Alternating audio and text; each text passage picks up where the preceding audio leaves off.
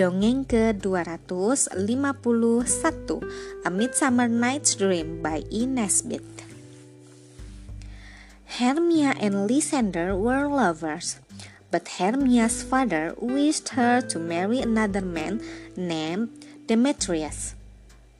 Now, in Athens, where they lived, there was a wicked law by which any girl who refused to marry according to her father's wishes might be put to death. Hermia's father was so angry with her for refusing to do as he wished that he actually brought her before the Duke of Athens to ask what she might be killed if she still refused to obey him. The Duke gave her four days to think about it and at the end of that time, if she still refused to marry Demetrius, she would have to die. Lysander, of course, was nearly mad with grief, and the best thing to do seemed to him for Hermia to run away to his aunt's house at a place beyond the reach of the law, and there he would come to her and marry her. But before she started out, Hermia told her friend Helena what she was going to do. Helena had been Demetrius' sweetheart long before his marriage with Hermia, had been thought of and being very silly, like all jealous people. She could not see that it was not poor Hermia's fault that Demetrius wished to marry her instead of his own lady Helena. She knew that if she told Demetrius that Hermia was going, as she was, to the wood outside Athens, she would follow her. And I can follow him, and at least I shall see him, she said to herself. So she went to him and betrayed her friend's secret. Now, this wood where Lysander was to meet Hermia, and where the other two had decided to follow them, was full of fairies, as most woods are, if one only had the eyes to see them. And in this wood, on this night, were the king and queen of the fairies, Oberon and Titania. Now, fairies are very wise people, but now and then they can be quite as foolish as mortal folk. Oberon and Titania who might have been as happy as the days were long, had thrown away all their joy in a foolish quarrel. They never met without saying disagreeable things to each other, and scolded each other so dreadfully that all their little fairy followers, for fear, would creep into a corn cobs and hide there. So, instead of keeping one happy court and dancing all night through in the moonlight, as is the usual fairy manner, the king with his attendants wandered through one part of the wood, while the queen with hers kept straight in another. And the cause of all this trouble was a little Indian boy whom Titania had taken to be one of her followers. Oberon wanted the child to follow him and be one of his fairy knights, but the queen would not give him up on this night, in a mossy moonlight glade, the king and queen of the fairies met. All met by moonlight, proud Titania, remarked the king. What? Jealous, Oberon? answered the queen. Why must you spoil everything with your quarreling? Come, fairies, let us leave him. I'm not friends with him now. It's rest with you to make up the quarrel, said the king. Give me that little Indian boy, and I will again be your humble servant and suitor. Please set your mind at rest, said the queen coldly. Your whole fairy kingdom buys not that boy from me. And she and her train rode off the moonbeams. Well, go your way, Oberon called after her angrily. But I will be even with you before you leave this wood. Then Oberon called his favorite fairy Puck. Puck was the spirit of the mischief.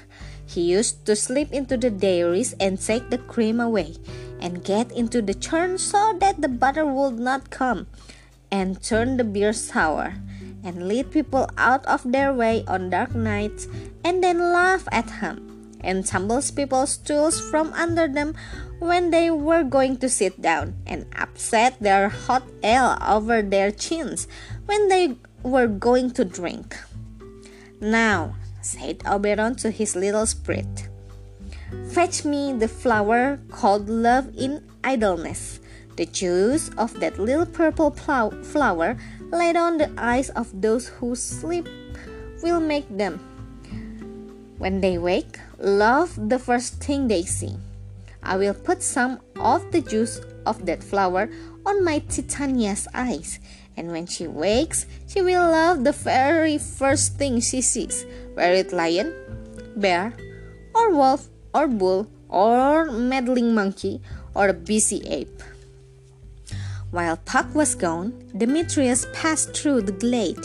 He was followed by poor Helena, and still she told him now she loved him and reminded him of all his promises.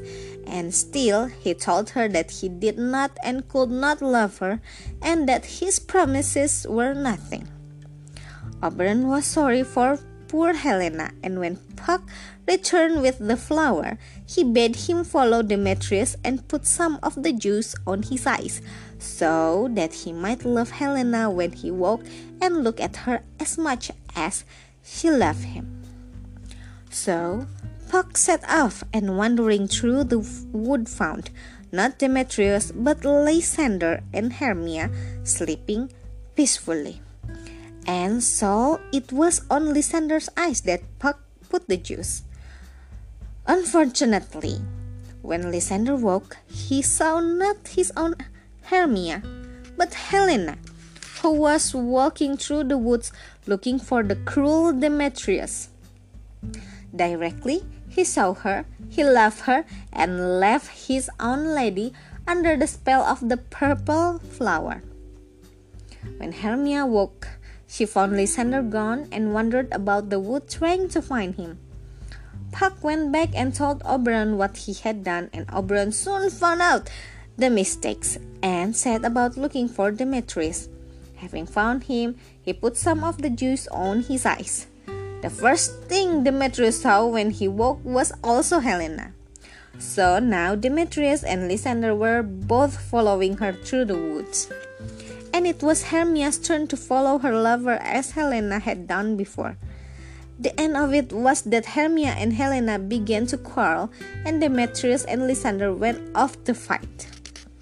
Oberon was very sorry to see his kind sim turn out into a badly. So he said to Puck, These two young men are going to fight.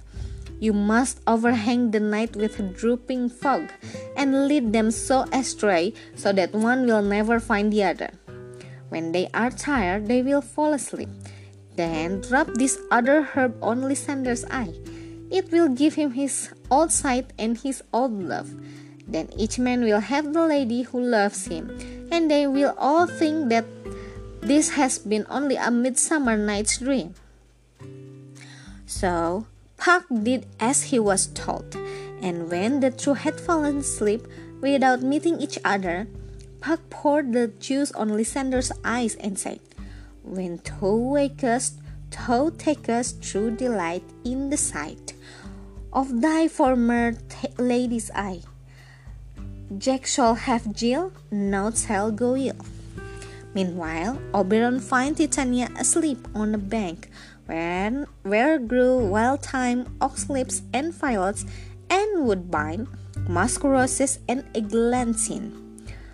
There, Titania always slept, of, slept a part of the night, wrapped in the enameled skin of a snake. Oberon stooped over her and laid the juice on her eyes, saying, What thou seest when thou wake, do it for thy true love take. Now, it happened that when Titania woke, the first thing she saw was a stupid clown, one of a party of players who had come out into the wood to rehearse their play. This clown had, mer- had met with Puck, who had clapped an ass head on his shoulder so that it looked as if, if it grew there. When Titania woke and saw this monster, she said, What angels is this? Are you wise as you are beautiful? If I am wise enough to find my way out of this wood, that's enough for me, said the foolish clown. Do not desire to go out of the wood, said Titania. The spell of the love juice was on her, and to her the clown seemed the most beautiful creature on the earth. I love you, she went on. Come with me, and I will give you fairies to attend on you. So she called four fairies, whose names were Peaseblossom, Cobweb, Moth, and Mustard Seed. You must attend this gentleman, said the queen. Feed him with apricots and dewberries, purple grapes, green figs, and mulberries. Steal honey bags from, for him from the bumblebees, and with the wing of painted butterflies when the moonbeams from his sleeping eyes. I will, said one of the fairies, and all the others said, I will. Now sit down with me, said the queen to the clown, and let me stroke your dear cheeks and stick and stick musk roses in your smooth, sleek head and kiss your fair large ears, my gentle joy. Where's Peaseblossom? asked the clown with the ass head. Did he not care much about the queen's affection? But he was very proud of having fairies to wait on him. Ready, said Peaseblossom. Scratch my head, Peaseblossom, said the clown. Where's Cobweb? Ready, said Cobweb. Kill me, said the clown. The red bumblebee on the top of the thistle yonder, and bring me the honey bag. Where's where's mustard seed? Ready, said mustard seed. Oh, I want nothing, said the clown. Only just help cobweb to scratch. I must go to the barber's for me think I am marvelous hairy about the face. Would you like anything to eat? asked the fairy's queen kindly. I should like some good dry oats, said the clown, for his donkey's head made him desire donkey's food, and some hay to follow. So some of my fairy fetch you new nuts from the squirrel house? asked the queen. I'd rather had a handful or two of good dried peas, said the clown. But please, don't let any of your people disturb me. I am going to sleep. Then said the beautiful queen, and I will win thee in my arms. And so, when Oberon came along, he found this queen lavishing kisses and endearment on a clown with a donkey's head. And before he released her from the enchantment, he persuaded her to give him the little Indian boy he so much desired to have. Then he took pity on her and threw some juice of the dischanting flower on her pretty eyes, and then in a moment, she saw plainly the donkey headed clown she had been loving and knew how foolish she had been. Oberon took off the ass head from the clown and left him to finish his sleep with his only silly head lying on the thyme and fields. Thus all was made plain and straight again. Oberon and Titania loved each other more than ever. Demetrius thought of no one but Helena, and Helena had never had any thought of anyone but Demetrius. As for Hermia and Lysander, they were as loving couple as you could meet in day's march, even even though a fairy would. So the four mortal lovers went back to Athens and were married, and the fairy king and queen lived happily together in that fairy wood at this fairy day. Sekian, terima kasih telah mendengarkan. Selamat malam.